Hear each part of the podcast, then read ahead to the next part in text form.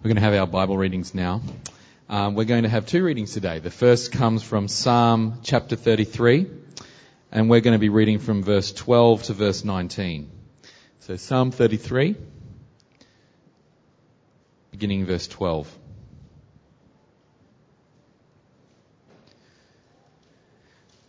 Blessed is the nation whose God is the Lord, the people he chose for his inheritance. From heaven, the Lord looks down and sees all mankind. From his dwelling place, he watches all who live on earth. He who forms the hearts of all, who considers everything they do. No king is saved by the size of his army. No warrior escapes by his great strength. A horse is a vain hope for deliverance. Despite all its great strength, it cannot save. But the eyes of the Lord are on those who fear him on those whose hope is in his unfailing love, to deliver them from death and keep them alive in famine. And our second reading comes from the book of Colossians in chapter, and we'll be starting in chapter 1, verse 15.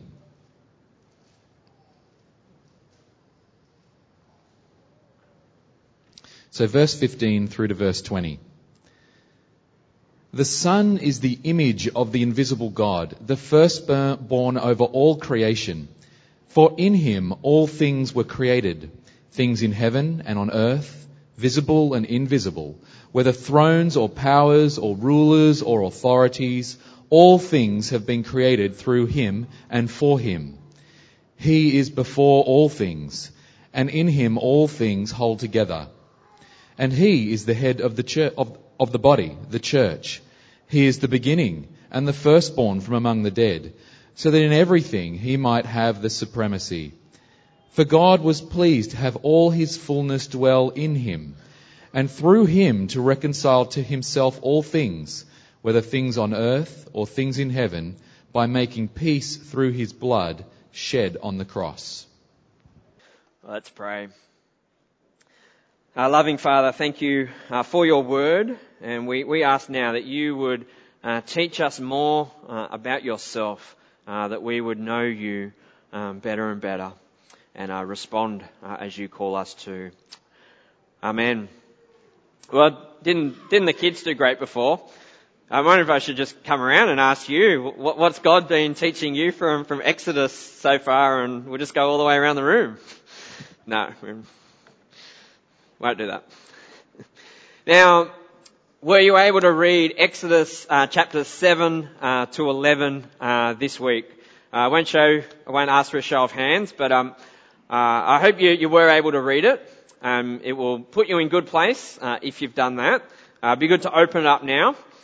if you're new with us today, um, you've probably guessed, but we've been working our way through Exodus, chapters 1 to, to 15, seeing God uh, bring his people uh, out of darkness, out of Egypt, and thinking about how how Jesus does, does likewise for us, uh, and what the implications are for us uh, today. Uh, so just now, um, we've deliberately read uh, two other passages rather than reading all five chapters of, of Exodus.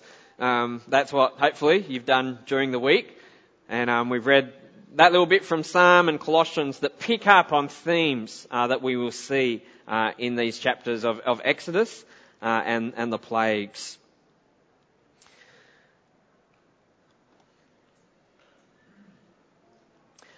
Uh, I managed to, to, read through these chapters a couple of times uh, this week, and I'm thinking what I saw there about God might not be the same as, as someone else. And maybe someone who is not a believer might have a different take on these chapters and what we see about God uh, than what I had. Uh, I read these, these chapters of, of, Exodus. Better turn to it myself. Uh, and I see here an, an almighty God, a God who is faithful, a God who, who is powerful and in control, uh, at work to, to save his people, bringing them out of Egypt, out of slavery, and it, it's a good thing that, that he does. But I think others might read it and look upon God differently. they might see God unfavorably in light of what he does here. That he is unyielding his power in a horrific way. And maybe they might say bringing about judgment on a people who, who don't really deserve it. And they might think the animals, that the poor animals here. Uh, in, in 2006, uh, there, there was an, an album titled uh, The Plague Songs. So I got a, um, got an image of it, but I don't think my, my graphics have come through today. Um, but you will be able to see the, the titles of the songs. So uh, basically, what they had for the for the, the ten songs on this album, uh, they had one song uh, per per plague.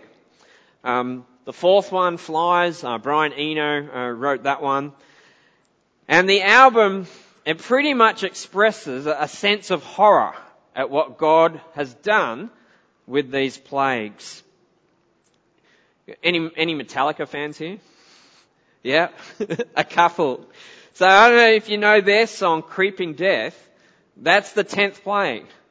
That's, there's actually a, a number of, um, uh, modern songs go back and they, they sing about the plagues and different parts of, of the Exodus. And last week we asked the question, why God? Why? Why do you do what you do? Or why do you not do what we think you should do? And the, the answer, see it um, come up on the screen with the, these next verses that we saw in, in chapter 7. The answer we saw why God does what He does is that people would come to know Him, know Him as Lord by rescuing his people in such a mighty way, uh, the Israelites, the Egyptians, and Pharaoh would see, they would know that he is God. And the line uh, that, that, we have there, uh, that you may know, that you may know I am the Lord, uh, we see that throughout the plagues, uh, time after time. Uh, in, in, chapter 5, so maybe flick back to that, it'll come up on the screen uh, as well. Moses and Aaron, they've already gone to Pharaoh once with a message from God. What, what is the message? The message is, let my people go. This is what the Lord says to, to Pharaoh. Let my people go so that they, they can go and worship me uh, in the desert. But Pharaoh, what's his response? No. Who is the Lord? Who is the Lord that I should obey him and let Israel go? I do not know the Lord. I will not let Israel go. Who is the Lord that I should let them go? Well, Pharaoh. Test one, two. Test one, two. It's working. Pharaoh and all Egypt they are about to see who the Lord is, who is truly king. And it's not going to be Pharaoh.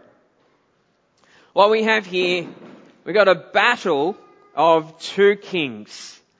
And there can be only one winner. Right, that's what we see with the plagues. The Egyptians, they have their gods. Uh, Pharaoh himself, he was seen as the Lord of the land. And then you had a, a god of, of the Nile, uh, Hapi or Hapi. And that's the first plague comes to, to the Nile. Uh, the second plague to the frogs. They had a, a god or a goddess of the frogs, uh, Heket.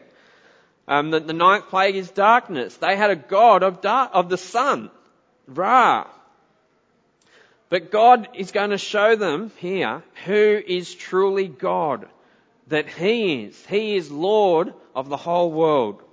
He is God of the Nile. He is God of the frogs. He is God of the sun. And so He is to be worshipped by people of the whole world. Now we're not going to go through all. One, two, test one, two. Still working. We're not going go, we're not going to go through all ten plagues. Uh, there's five chapters. We're not going to go through verse by verse.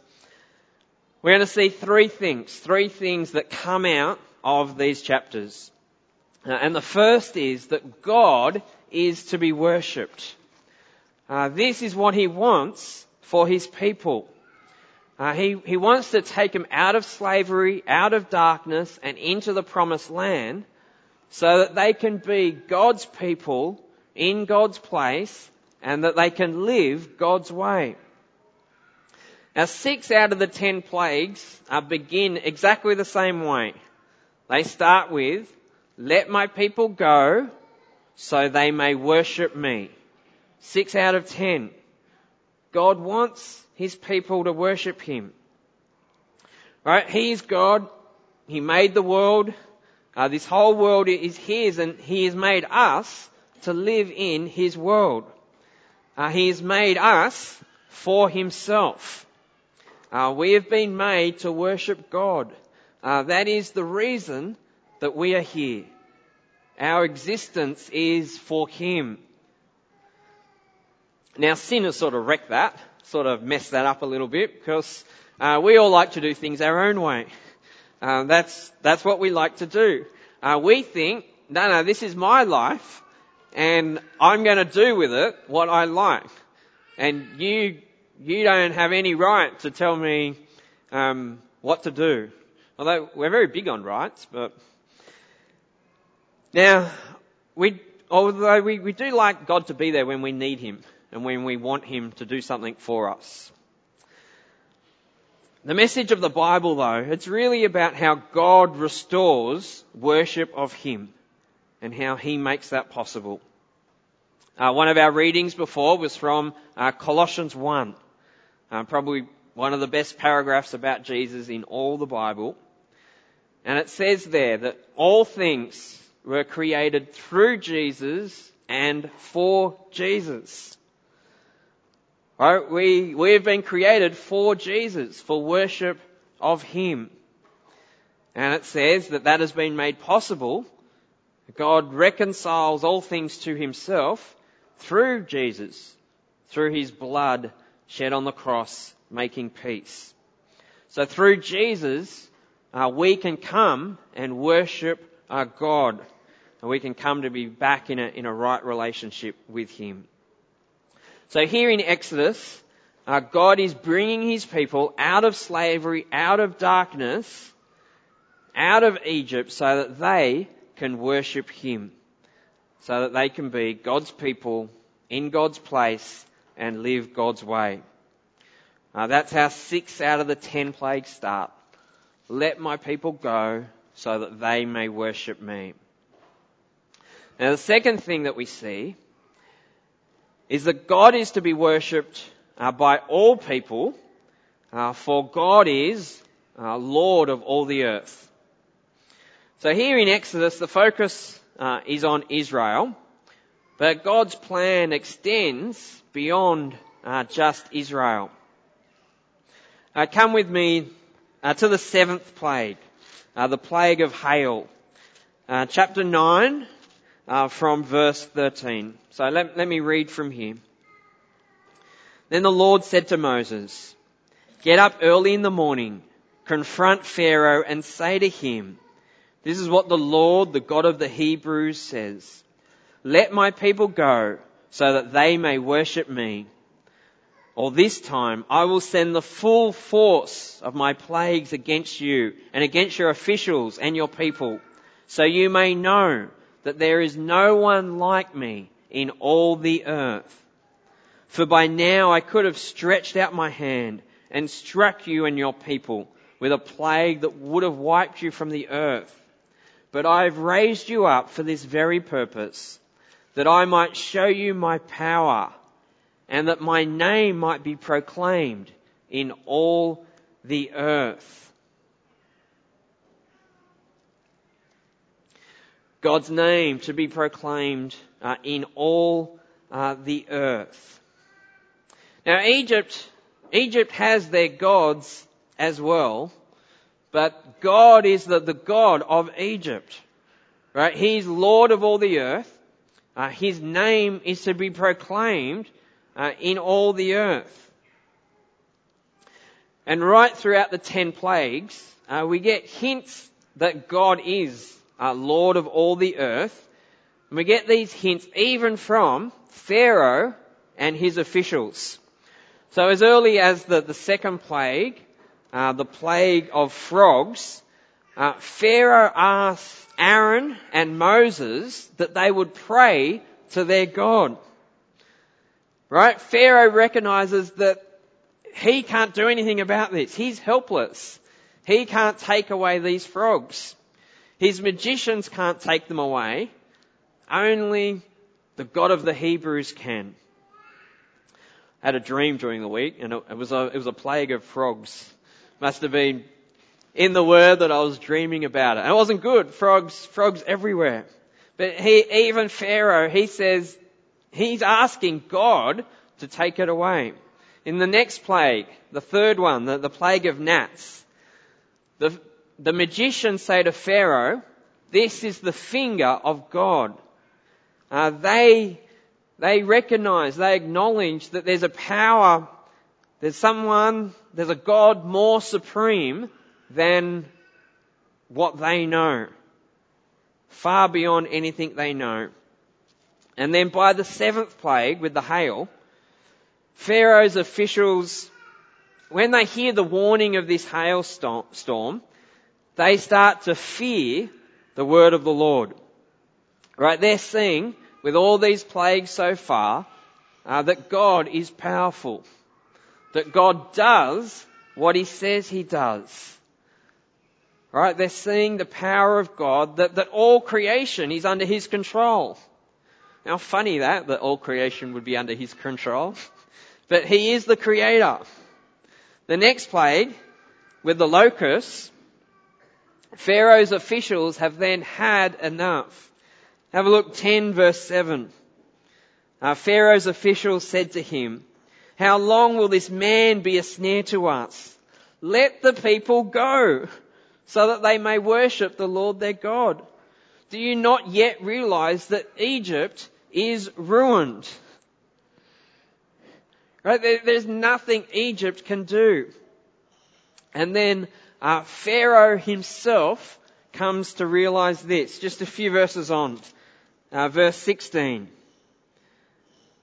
Pharaoh quickly summoned Moses and Aaron and said, I have sinned against the Lord your God and against you. Now forgive my sin once more and pray to the Lord your God to take this deadly plague away from me. Can you, can you believe that? This is Pharaoh is acknowledging sin before God and asking for forgiveness. God is the Lord of all the earth. Alright, we're seeing it here in Exodus. Uh, we saw it in Psalm 33. In Colossians 1, uh, there we see that, that Jesus is Lord. Uh, he is the supreme one. Now what did it say in, in Colossians 1 verse 15? Jesus is the image of the invisible God, uh, the firstborn over all creation. All things were created through him and for him. He is before all things and in him all things hold together. Uh, he is the beginning and the firstborn from among the dead so that in everything he might have the supremacy. Jesus is the Lord of all the earth. And this Lord of all the earth came to the earth, took on flesh and he died. And by his death and resurrection, he has made it possible for all nations, all people, to be restored and to be able to worship God. See, Jesus is to be worshipped by all people because he is Lord of all the earth. He's not just the God of the Christians, he is the Lord of all the earth. Now that is not a popular message today. To claim that, that Jesus is Lord of all the earth. That He is the hope for all the world. That He is God. But that is what we believe, isn't it? Uh, your neighbour, your work colleague, uh, your friend in the community, Uh, maybe even yourself. Uh, do you, do they, do they worship a God other than the Lord, the God of all the earth? Jesus Christ our Lord. You know the words in, in Philippians 2. Now what it says there about Jesus. That he has been exalted to the highest place. He has been given the name above every name. That at the name of Jesus every knee should bow and every tongue confess, confess what? Confess that Jesus Christ is Lord to the glory of God the Father. Do you believe that? That the day will come when every single person will have to confess that Jesus Christ is Lord.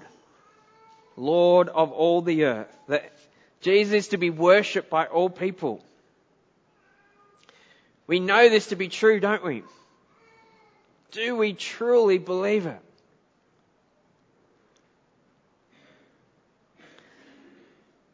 The third thing to say, it is a dangerous thing to defy God and not worship Him. Now Pharaoh's heart is hard, isn't it? Uh, time after time, plague after plague, it says that, that he hardens his heart. And sometimes it says that God hardens his heart. Uh, so much of our world has a hard heart towards God. Uh, some of my family has a hard heart towards God.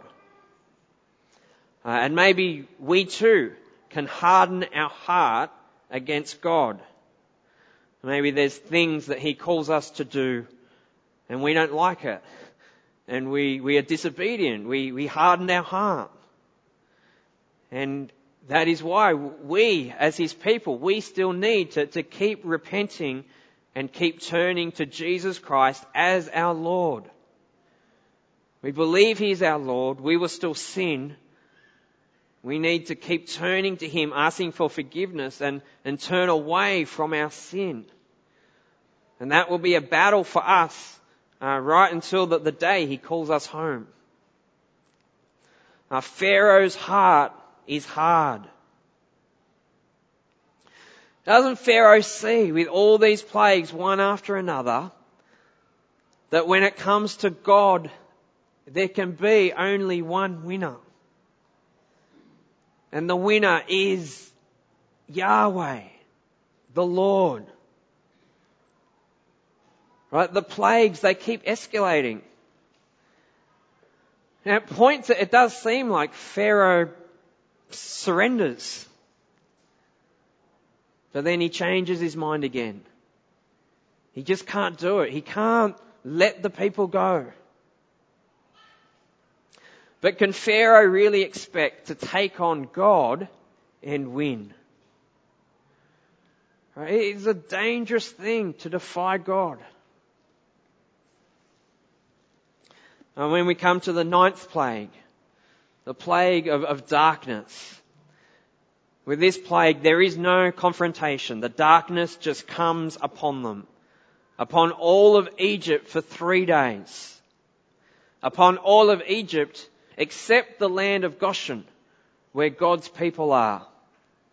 You see, in so many of these plagues, we read that there is a distinction. God makes a distinction between the Egyptians and his own people.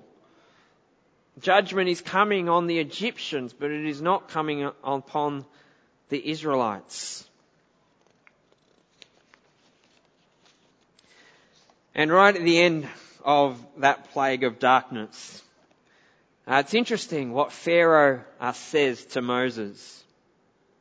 He says, the next time you see my face, you will die. Uh, that's Pharaoh's threat to Moses. But it's not Moses who would die, is it? It is Pharaoh's own son who would be the one to die, his true son. And it wouldn't just be Pharaoh's firstborn son, but it would be the firstborn son of every single Egyptian. in the most horrific plagues of them all, human life, uh, God takes it away. He is Lord, and it is a dangerous thing to defy Him and not worship Him. Uh, it leads to death. Uh, that's what the scriptures tell us, that sin leads to death. Uh, God's judgment is right.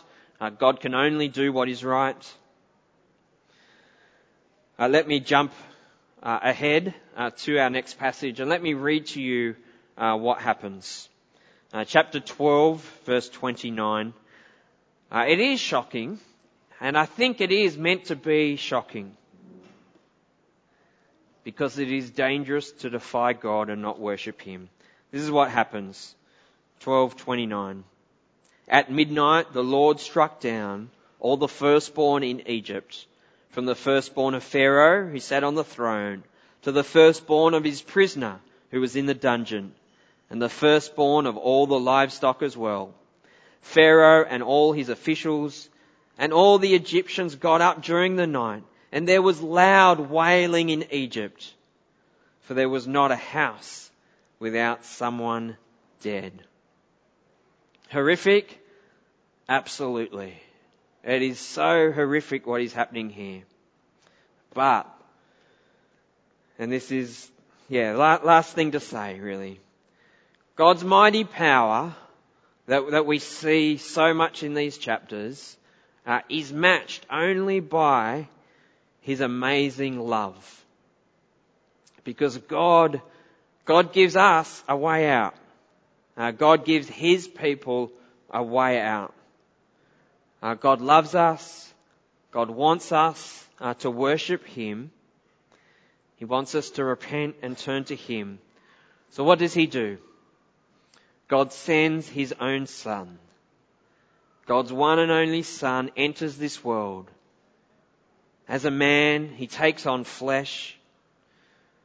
And God's one and only Son, He dies he goes to the cross and there he takes away our sin. And that is the only way for us to be spared from his judgment. God's mighty power is matched only by his amazing love. He is the Lord of the, of the whole earth. His power is unmatched in all the earth, but so is his love. There is nothing like God's love in all the earth. So, may we be a church who wants to worship God, who wants to know Him more and more. May we be a people who live lives with Jesus as our Lord. And when we don't and when we struggle, that we will work at keeping on repenting so that Jesus truly is the Lord of our life. And may we truly believe that Jesus is Lord of all the earth, that He is good news for all the world. May we truly believe that. Let me pray. Father, uh, it is full on uh, what we read in these chapters, but we see your power. We see that you are Lord of all the earth. And we see that, that you long for your people to know you and to worship you. Father, you are almighty. You are so powerful. Yet we see your power matched by your love. A love that is, that is greater than no other. That you would send your son to die for us that we might be forgiven is just truly, truly extraordinary. So Father, we thank you for that. Thank you that Jesus is our Savior. And Father, we pray that, that He would be the Lord of our life and help us to give ourselves to you more and more. And Father, we long to see more people around us come to know Jesus as their Lord and Saviour as well. In His name we pray. Amen.